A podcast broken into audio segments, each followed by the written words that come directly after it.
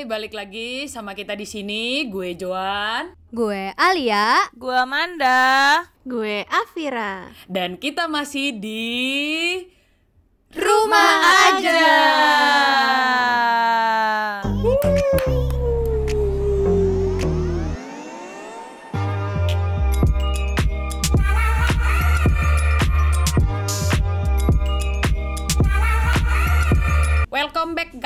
Hai guys, balik lagi nih. Kayaknya abis dengerin podcast kita yang minggu lalu, kita jadi dapat banyak pelajaran ya dari topik minggu lalu. Tapi kayaknya emang lagi penting deh topik-topik kayak gitu saat ini. Gimana kalau minggu ini kita lanjutin lagi dengan topik yang masih corona-corona juga, tapi sekarang kita ngobrol sama salah satu dokter relawan yang eh, kerja di Wisma Atlet. Boleh tuh, gue setuju. Boleh boleh. Jadi ada ada dokter ada kenalan gue nih, temen gue pas di Maumere nih. Sekarang dia lagi jadi dokter di Wisma Atlet nih kebetulan jadi relawan. Kita hubungin dia aja, Pak. Oke. Oke. Hai. Halo. Halo. Hai, boleh perkenalan diri dulu dok? Halo semuanya. Gue Husen, eh, dokter umum, eh, temannya Afira waktu di Maumere dulu. Eh, sekarang eh, ke jadi relawan di Wisma Atlet di Rumah Sakit Darurat Penanganan COVID-19 Wisma Atlet Kemayoran sudah jalan sebulan lebih. Eh, gue asal dari Bandung.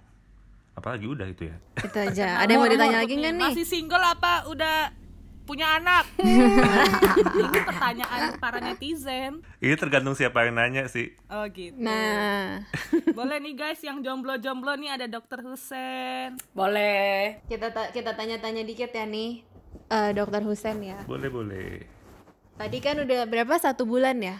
Satu bulan. Mm-mm, satu bulan lebih. Udah satu bulan lebih. Oh berarti nih lo satu bulan lo tinggal di Wisma Atlet ya? Mm-mm, satu bulan di tinggal di sini kerja di sini. Heeh. Itu gimana tuh awalnya bisa akhirnya memutuskan jadi relawan aja di Wisma Atlet? Ha-ha. Awalnya kan waktu kita di Maumere kan kita takut banget ya eh, sama corona ini sama covid ini. Terus eh, pas balik tuh kayak jadi pengangguran karena kan eh, rumah sakit rumah sakit atau klinik-klinik kan untuk rekrutmen dokter barunya kan di hold kebanyakan dan kebanyakan juga eh, lowongan yang buka itu buat relawan. Jadi kayak aduh eh, mau nggak nih kalau jadi relawan penanganan covid gini. Terus eh, ternyata ada teman gue yang eh, udah jadi relawan duluan di Wisma Atlet terus gue tanya-tanya eh ternyata kerjanya juga lumayan enak lah di sana ya udah akhirnya gue iseng-iseng gak iseng juga sih iseng-iseng eh, kirim lamaran apply online akhirnya dimasukin WhatsApp grup relawan. Habis itu ya udah eh, begitu ada penerimaan ternyata teman gue yang lain juga pada ikutan. Akhirnya ya karena ada banyak banyak teman ya udahlah memutuskan buat eh, ikut jadi relawan gitu. Terus eh, kenapa jadi relawan ya? Karena gue mikirnya kalau kerja di mana pun mau di klinik pribadi atau di klinik eh, yang lain juga pasti ada risiko terpapar oleh pasien covid. Dan itu pun kayak kita nggak tahu pasien yang berobat ke kita tuh itu pasiennya ada covidnya apa enggak. Karena kan eh, belakangan ini jadi banyak pasien yang nggak jujur gitu loh. Kayak ditanya ada habis perjalanan dari daerah terjangkit nggak? Kayak bohong-bohong gitu kan nah daripada ter- tertular konyol gara-gara pasiennya begitu ya mending gue adepin pasien pasien covid langsung aja gitu di pusatnya gitu sih ceritanya Yang udah jelas COVID gitu ya. Hmm, daripada kita ngeraba-raba gitu abu-abu ini covid apa bukan gitu Tapi keluarga kan tahu kan kalau misalnya corona. Maksudnya kan kita semua juga takut gitu kan. Keluarga keluarga lo dukung gak sih eh, jadi relawan di Wisma Atlet? Eh, jujur gue baru minta izin Hamin dua sebelum berangkat ke sini sih. Kabur. keren. Anda Lu keren. Dia selalu kayak gitu, guys. Dia selalu kayak gitu. Jadi kayak pas begitu minta izin, gila, eh, ma minggu eh, mau cabut ya ke Jakarta gitu, mau jadi relawan di Wisma Atlet. Nah, kaget gitu kan nyokap gue terus kayak eh, dua hari itu tuh nyokap gue ngebujuk-bujuk supaya nggak jadi supaya nggak jadi cuman gue udah beli tiket udah daftar segala macem akhirnya di direlakan aja anaknya pergi ke Jakarta gitu Tapi pas lo di Wisma Atletnya lu ada ini nggak? Apa kayak dibilang nggak lo dari daerah mana gitu ditanya? eh pas, pas mau, mau masuk, masuk, gitu. Kan lo dari Maumere nih. Eh, enggak sih paling ya ditanya riwayat perjalanan dua minggu terakhir kan gue dua minggu terakhir di, di rumah terus nggak ke mana-mana Tapi kalau yang dari luar gitu pas sebelum jadi relawan dia di karantina dulu apa kayak gimana? Hmm, enggak sih di sini juga kan ada yang dari NTT juga. Ada yang dari NTT, ada yang dari Kalimantan, dari Bengkulu, dari Aceh itu semuanya enggak di karantina sih, cuman sebelum kita mulai tugas itu kita ada MC MCU dulu. Ada pemeriksaan itu dulu, pemeriksaan kesehatan. Jadi semuanya dicek Semua begitu. dokter ya berarti ya, Sen? Ah, semua relawan yang eh, masuk ke Wisma Atlet itu dicek dulu. Ya nggak cuma dokter ya di sana. Mm-mm. Di sana di sini ada ada relawan banyak, ada dokter, ada perawat, ada petugas lab, petugas radiologi, farmasi, sampai yang non medis kayak apa? Kayak eh, petugas dapur, terus supir, macam-macam lah di sini banyak. Tapi ada yang ditolak nggak? Kenapa? Ada yang ditolak nggak? Maksudnya waktu lagi dicek gitu, ada yang, oh lu nggak bisa nih, oh lu bisa gitu. Kalau waktu gue masuk sih kan itu ya kebetulan yang masuk tuh semuanya dokter. Ada 36 orang. Nah itu pas pemeriksaan kesehatan tuh eh, semuanya sih lolos. Jadi nggak ada yang ditolak. Cuman nggak tahu kalau yang relawan yang lain sih. Hmm, dia terima semua Karena ya. butuh juga sih ya. Mm-mm. Karena masih butuh juga. Terus kalau di sana tuh sistem kerjanya shift-shiftan kan ya? Kalau nggak salah pernah kasih tahu. Hmm. Shift-shiftannya tuh Mm-mm, kayak mm-mm. gimana tuh Di Sen? sini di sini sih kerjanya kayak di rumah sakit pada umumnya ya. Jadi eh, kita kerjanya dibagi shift. Satu hari tiga shift pagi siang malam masing-masing 8 jam. Terus satu shift itu satu tim yang jaga atau yang kerja. Itu sekitar 20 sampai 30 dokter kalau sekarang. Kalau dulu waktu awal gue jadi relawan tuh cuma 20-an. Kalau sekarang udah lebih banyak lagi dokter yang gabung. Nah itu eh, satu tim itu kita dibagi ada yang jaga di triase di depan, di UGD, kemudian di HCU, di ruangan, sama di poli. Jadi kita dibagi-bagi tugas itu. Sama kayak di rumah sakit biasa, cuman ya bedanya kita penanganan pasiennya COVID semua. Terus kita pakai APD-nya full level 3 yang kayak pakai baju astronot gitu. Hmm. Tapi dikasih libur juga ya? dikasih libur jadi kan karena ada lima tim otomatis kalau ikutin jadwal kita habis jaga tuh 32 jaman kita free habis itu jaga lagi jadi selang jaganya tuh 32 jam Lumayan ya. lumayan buat istirahat buat kegiatan lain Tapi di sana aja kan tetap kan? Maksudnya kayak lu free tapi Mm-mm. tetap di Wisma Atlet gitu kan? Nggak balik ke rumah lo iya kan? kita nggak boleh balik nggak boleh. karena kan kita kon- udah kontak sama Iya, heeh. udah kontak sama Pasien. pasien nih jadi risiko penularan Oke, oke. Tapi itu eh, apa namanya? Kontraknya tuh per maksudnya diperpanjangnya per bulan, per apa gitu? Atau Mm-mm. boleh udahan aja kalau misalnya pengen udahan, udahan aja gitu atau gimana? Eh, kontrak sih sini kan per bulan. Kalau yang waktu gua awal-awal tuh kontraknya 14 hari kerja, lanjut 14 hari karantina atau off. Nah, kalau yang sekarang itu yang eh, gelombang baru itu kontrak kerjanya jadi 30 hari kerja, lanjut 14 hari karantina. Jadi agak lebih panjang. Oh, itu wajib karantina berarti ya 14 hari habis Mm-mm. kerja. Jadi beres kerja tuh wajib karanti- karantina 14 hari. Dan itu semuanya di Wisma Atlet nggak boleh ke mana-mana. Eh, eh, gue mau nanya deh. Eh, kan kemarin Lebaran nih Sen di sana. Itu gimana di sana? Ada sholatnya bareng-bareng gitu sama pasien atau kayak ya udah masing-masing di kamar aja. Terus dokternya juga kayak pribadi-pribadi aja apa gimana gitu. Maksudnya kayak mereka kan pasti sedih tuh nggak ada sama keluarga. Apa ada hiburan dari tim dokter? Gue lihat di Twitter tuh katanya ada tiap pagi ada senam, ada ini ya kayak kuis-kuis juga gitu. Oke, kalau Lebaran kemarin kan eh, yang jaga tetap jaga kan si satu tim itu ada tim perawat, tim dokter sama yang lainnya. Jadi yang jaga ya ja- jaga, tapi kalau yang nggak jaga itu kemarin ya nggak ada apa-apa. Karena kan dari pemerintah juga kita ada ikut himbauan eh, tidak mengadakan eh, sholat id, jadi sholat idnya masing-masing. Hmm, oke. Nah, tadi kan lo udah bilang kalau di sana ada polinya juga, ada IGD-nya, ada HCU-nya. Nah, lo kerja di bagian mana tuh? Eh, rolling sih, jadi semuanya kebagian. Hmm, tapi lo udah pernah di bagian mana aja? Gue lebih sering di ruangan sih, karena kan gue kemarin ditunjuk jadi koor eh, ruangan, koordinator dokter yang di ruangan. Eh, sebelum di ruangan gue pernah di HCU dua kali, di IGD sekali. Oh, lo udah pernah di HCU juga. Nah, kalau di HCU gitu lo lihat pasien yang paling parah tuh yang kayak gimana, San? Eh, paling parahnya sih nggak nggak kayak di eh, berita-berita ya sampai sesak nafas, sampai pasang alat gitu kan. karena di sini kan kita eh, karena fasilitasnya terbatas kan namanya juga rumah sakit darurat nih jadi kita eh, cuma bisa nerima pasien yang gejala ringan sampai sedang. Jadi yang sesaknya juga sesak-sesak dikit doang nggak sampai yang perlu di eh, pakai alat bantu pernafasan ventilator gitu nggak perlu. Soalnya di sini ICU juga masih belum siap. Jadi ya kalau untuk keparahan sih di sini tingkat keparahannya pasiennya paling cuma sesak-sesak dikit doang. Atau kalau enggak ya hasil labnya agak bermasalah. Misalnya dia anemia berat perlu transfusi gitu. Kalau misalnya gue pasien-pasien yang apa ya yang ketemu tuh justru pasien-pasien yang eh mentally unstable gitu loh.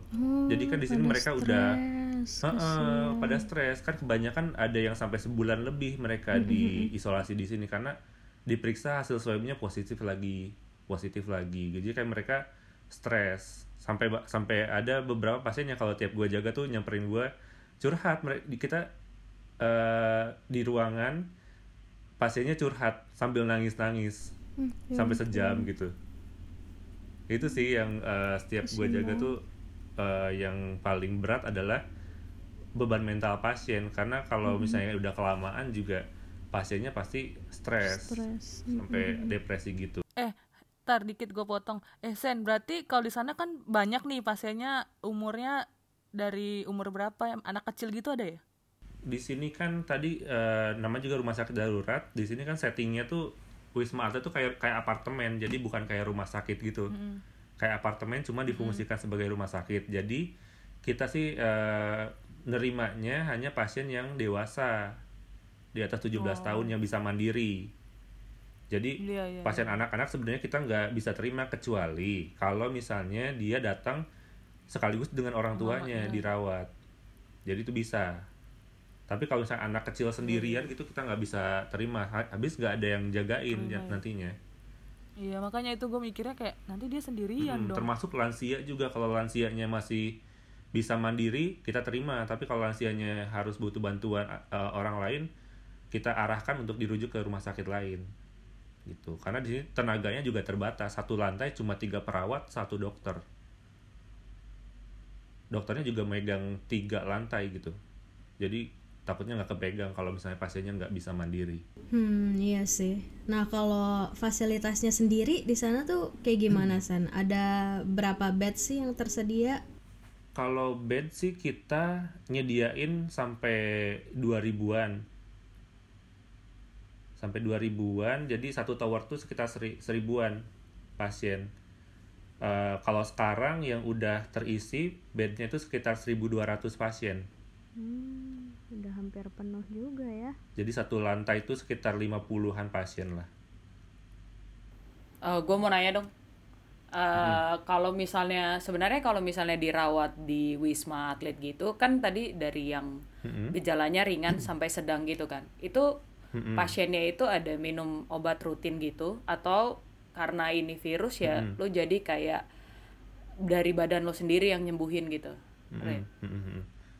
Nah ini kan eh, si COVID ini kan penyakitnya baru ya, jadi masih berkembang terus si sistem atau pengobatannya.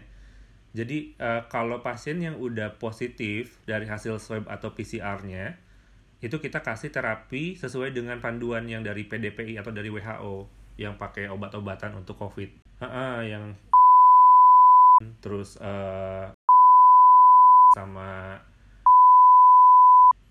Nah itu sebelum diberikan obat-obat itu juga kita di screening dulu kan ada efek samping ke jantung tuh. Jadi kita EKG dulu atau rekam jantung. Kalau jantungnya bermasalah kita nggak kasih obatnya. Jadi cuma dikasih multivitamin, suplemen sama obat-obatan sesuai dengan gejala.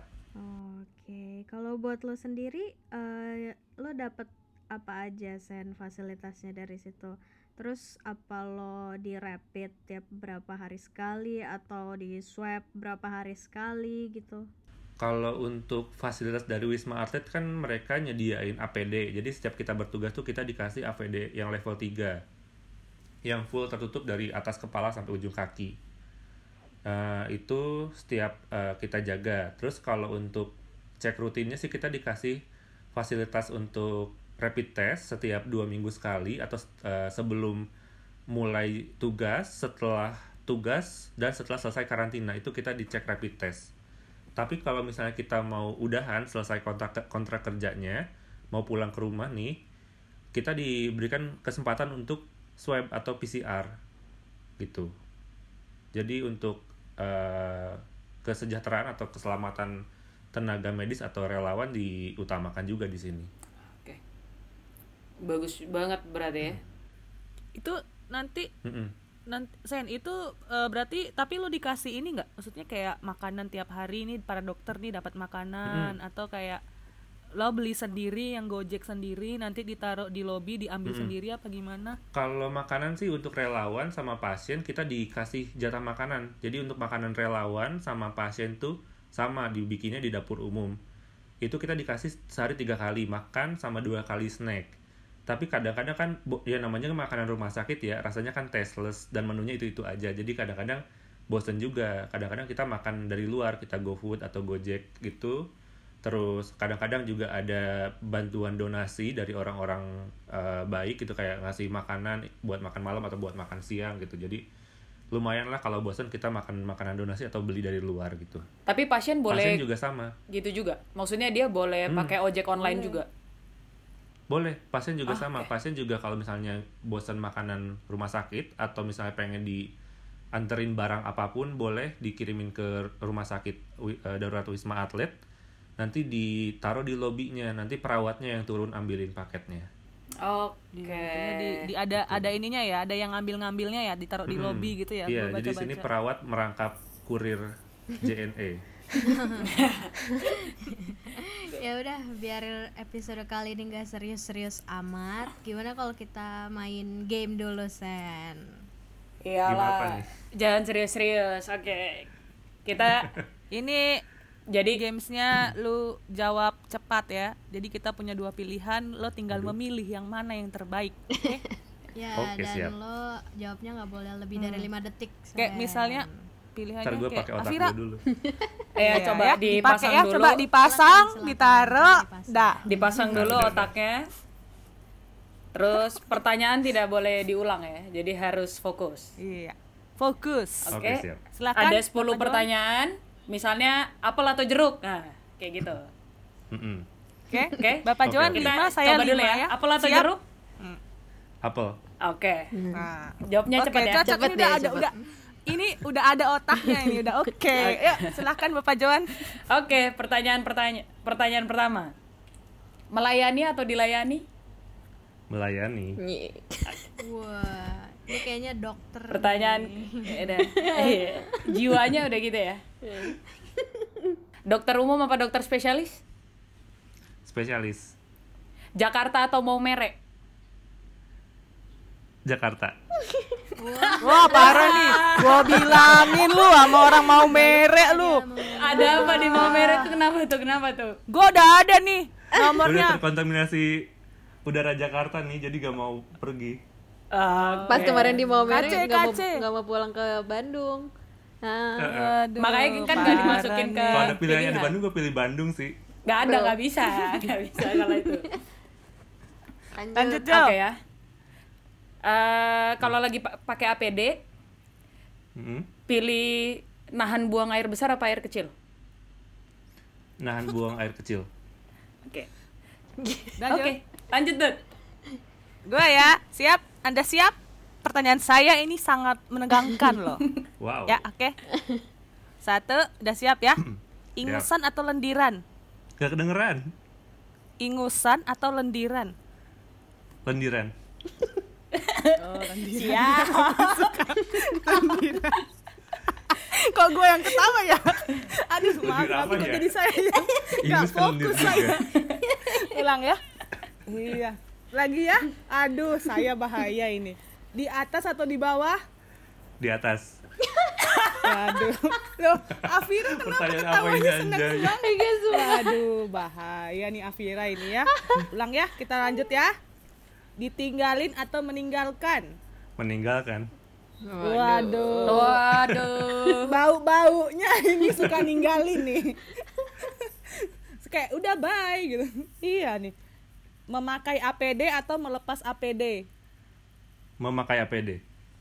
Siapa tahu lu preman gitu kan kayak nggak usah gitu. Lanjut ya, telepon atau chat? Chat. Oke, sudah itu aja pertanyaan dari Oke. saya. Oh enggak enggak, Ya, ada terakhir itu. satu gue terakhir. Oke. Tunggu dulu, ya gue sekut dulu ya. Ini eh, ah, Usen chat Al. Lu Jun. Oke. Pertanyaan terakhir ya. Di luar atau di dalam? Di dalam. Oke. Laki banget kan? Aku juga mantap. Ini pertanyaannya apa coba maksudnya? Loh, Itu melatih. Semua semua tuh tergantung mindset. Iya. Iya, Oke, oke. jawaban pertama tuh biasanya yang paling diinginkan emang ya Jo ya. Kalau gua lihat-lihat ya dari tadi nih ya. Emang gitu.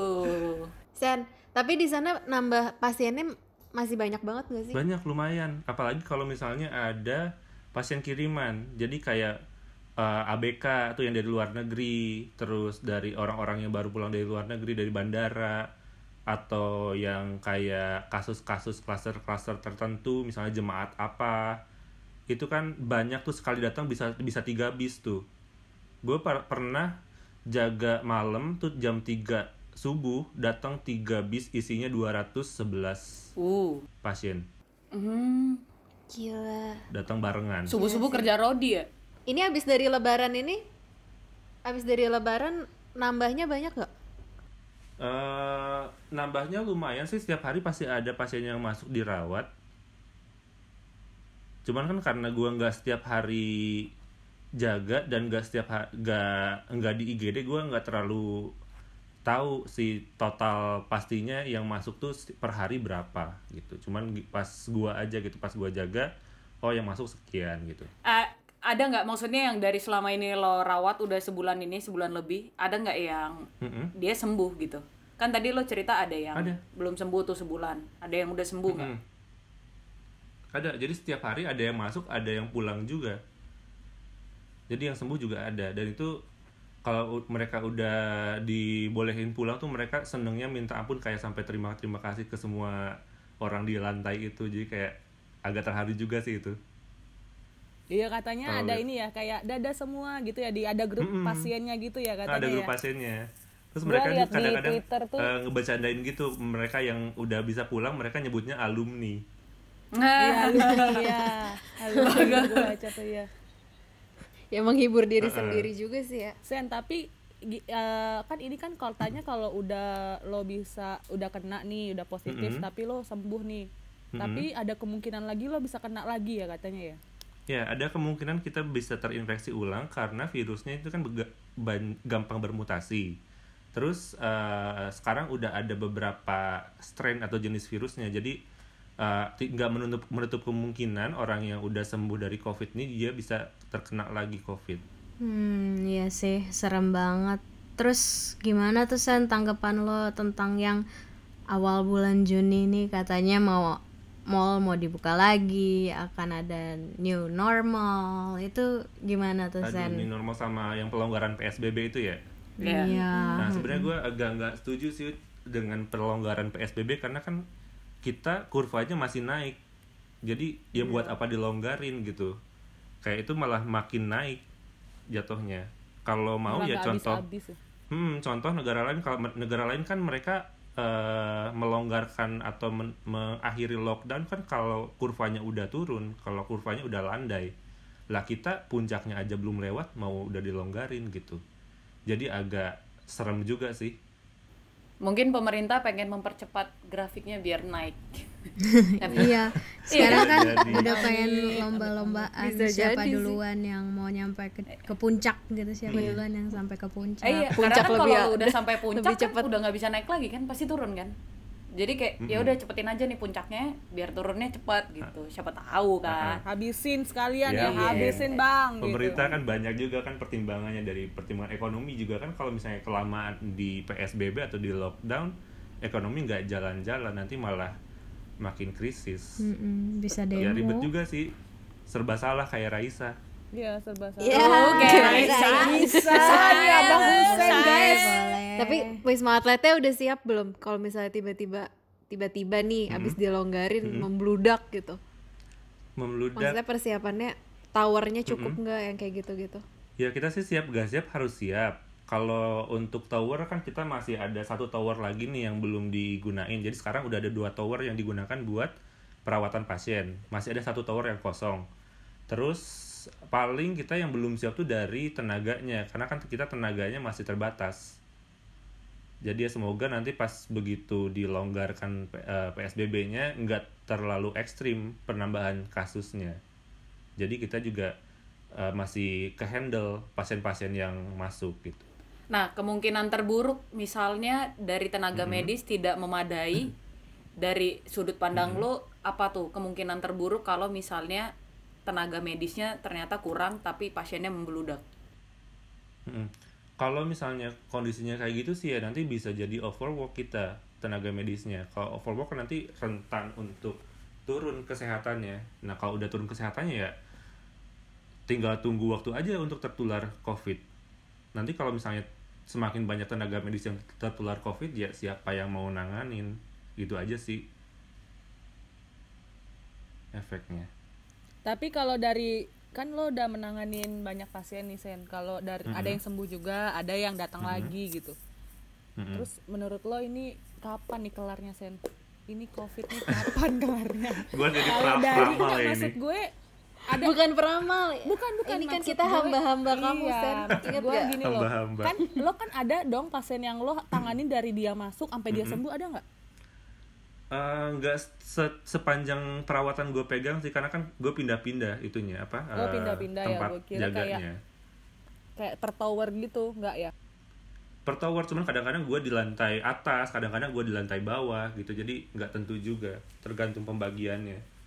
Dari kalau dari sudut pandang lo sendiri deh lo lihat nih dari kan lo udah menangani nih kasusnya nih oh kayak gini nih kasusnya bisa sembuh kalau lo begini nih. Nah kira-kira nih Indonesia nih sampai kapan nih Sen? Kalau lu lihat-lihat nih kan kayak wow wow, wow gitu. kalau gue lihat-lihat sih apa ya dengan kondisi sekarang nih masyarakatnya masih pada bandel pemerintahnya masih belum tegas ya nggak bakal berakhir dalam waktu dekat juga sih si pandemi ini jadi ya mungkin masih sampai akhir tahun atau bisa sampai awal tahun depan kalau misal kondisinya seperti ini nggak berubah Pusing. Kenapa dok? Nyesel gue nanya, udah nggak jadi nanya Sen, gue yang pusing. ya tapi semoga ada keajaiban tiba-tiba orang-orang Indonesia pada disiplin pada taat gitu Amin. Amin. Mm-mm. Ini aja mau udah mau dibuka, kagak mungkin Enggak. gue masalahnya. Aminin dulu aja. Atau enggak berdoanya semoga masyarakat plus 62 tuh kebal gitu, sehat. Jadi kan ya iya dong kalau lu ya. nggak bisa nurut Kebal. paling nggak doain mereka tuh kuat gitu loh. Ya udah terakhir nih suka dukanya kira-kira yang bisa di-share buat teman-teman semua yang ada di sini apa aja Sen? Mungkin dukanya dulu kali. dukanya ya sama kayak pasien-pasien yang lain sama kayak orang-orang yang lagi WFH sama kayak orang-orang yang lagi isolasi mandiri bosen bosen banget kita walaupun masih bisa keluar gedung ke taman gitu jalan-jalan atau berjemur atau main grab wheel atau main olahraga lari-lari di sekitar wisma atlet itu bosannya setengah mampus gimana orang-orang yang eh, karantina di rumah yang nggak bisa keluar sama sekali gimana pasien-pasien yang nggak bisa keluar sama sekali itu pasti lebih bosan sih jadi dukanya di sini ya bosan banget parah Hmm, iya sih. Kalau sukanya? kalau sukanya ya gue selalu suka tiap kalau ada pasien yang udah sembuh yang udah bisa pulang itu mereka bahagianya tuh udah kayak bebas dari kerangkeng kayak setan di kerangkeng bulan puasa gitu loh. Jadi kayak Udah pernah ya Sen? Senengnya Kok tuh- kayaknya lu hafal banget? Kayak pengalaman banget. Gak tahu ya kayak gimana. Lah gue setannya gitu. Ya, jadi kayak begitu mereka dikabari begitu mereka dikabari Bu, ini eh, Pak swabnya sudah negatif nih, boleh diajukan untuk pulang. Oh, mereka senangnya bukan main. Itu sih gue eh, su- sukanya di sini kalau udah lihat pasien yang seneng karena udah sembuh. Sampai nangis-nangis gitu nggak? Mm-mm, sampai nangis-nangis, terharu gitu. Terharu. Kayak siapa yang naruh bawang di sini? Iya. Bisa Ya. masuk masuk.